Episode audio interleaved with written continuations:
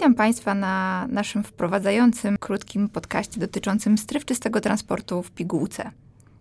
Czemu mają służyć, na jakich zasadach mają działać i gdzie możemy się ich spodziewać? Przygotowaliśmy dla Państwa specjalną pigułkę wiedzy na ten temat.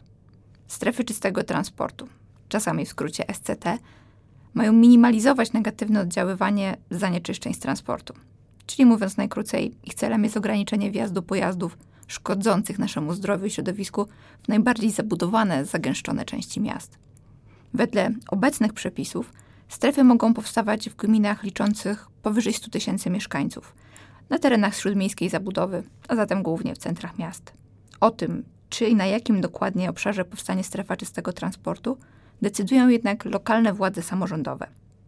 Pojazdy nisko i zeroemisyjne mogą poruszać się po strefach czystego transportu swobodnie, a inne, czyli przede wszystkim najpowszechniejsze u nas pojazdy benzynowe i diesle, tylko za opłatą. Co ważne, pieniądze z opłat za wjazd do strefy mogą być wydane tylko na trzy konkretne cele, z których najważniejszym jest zakup autobusów zeroemisyjnych, to jest elektrycznych lub wodorowych, tych najkorzystniejszych dla naszego zdrowia i dla środowiska. Przepisy dotyczące stref określają też dokładnie wysokość opłat za wjazd do nich. Jest to maksymalnie 2,50 zł za godzinę, a opłaty mogą być pobierane w godzinach od 9 do 17. Wspomniane przepisy określają dokładnie, jakie pojazdy mogą poruszać się swobodnie po strefie, a jakie za opłatą.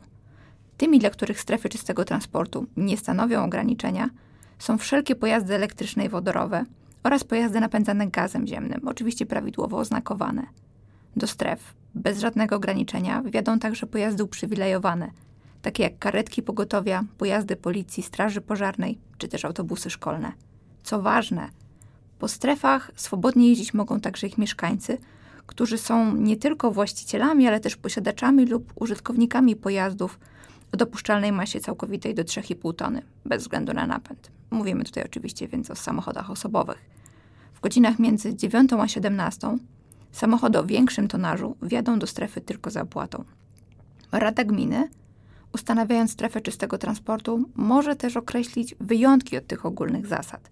Może więc na przykład ustalić, że mieszkańcy wjadą do strefy bez dodatkowych ograniczeń, także pojazdami o większej masie. Wszelkie wyjątki od reguły dotyczących stref mogą jednakże obowiązywać tylko do trzech lat od czasu jej powstania. Biorąc pod uwagę wszystkie te regulacje, łatwo zauważyć, że strefy czystego transportu to praktyczne rozwiązanie, które ma bezpośrednio i pośrednio służyć mieszkańcom miast.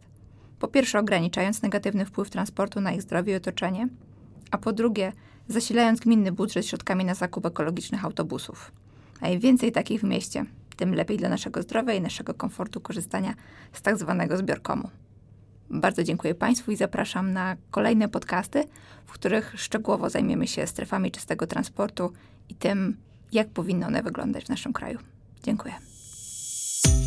Sunset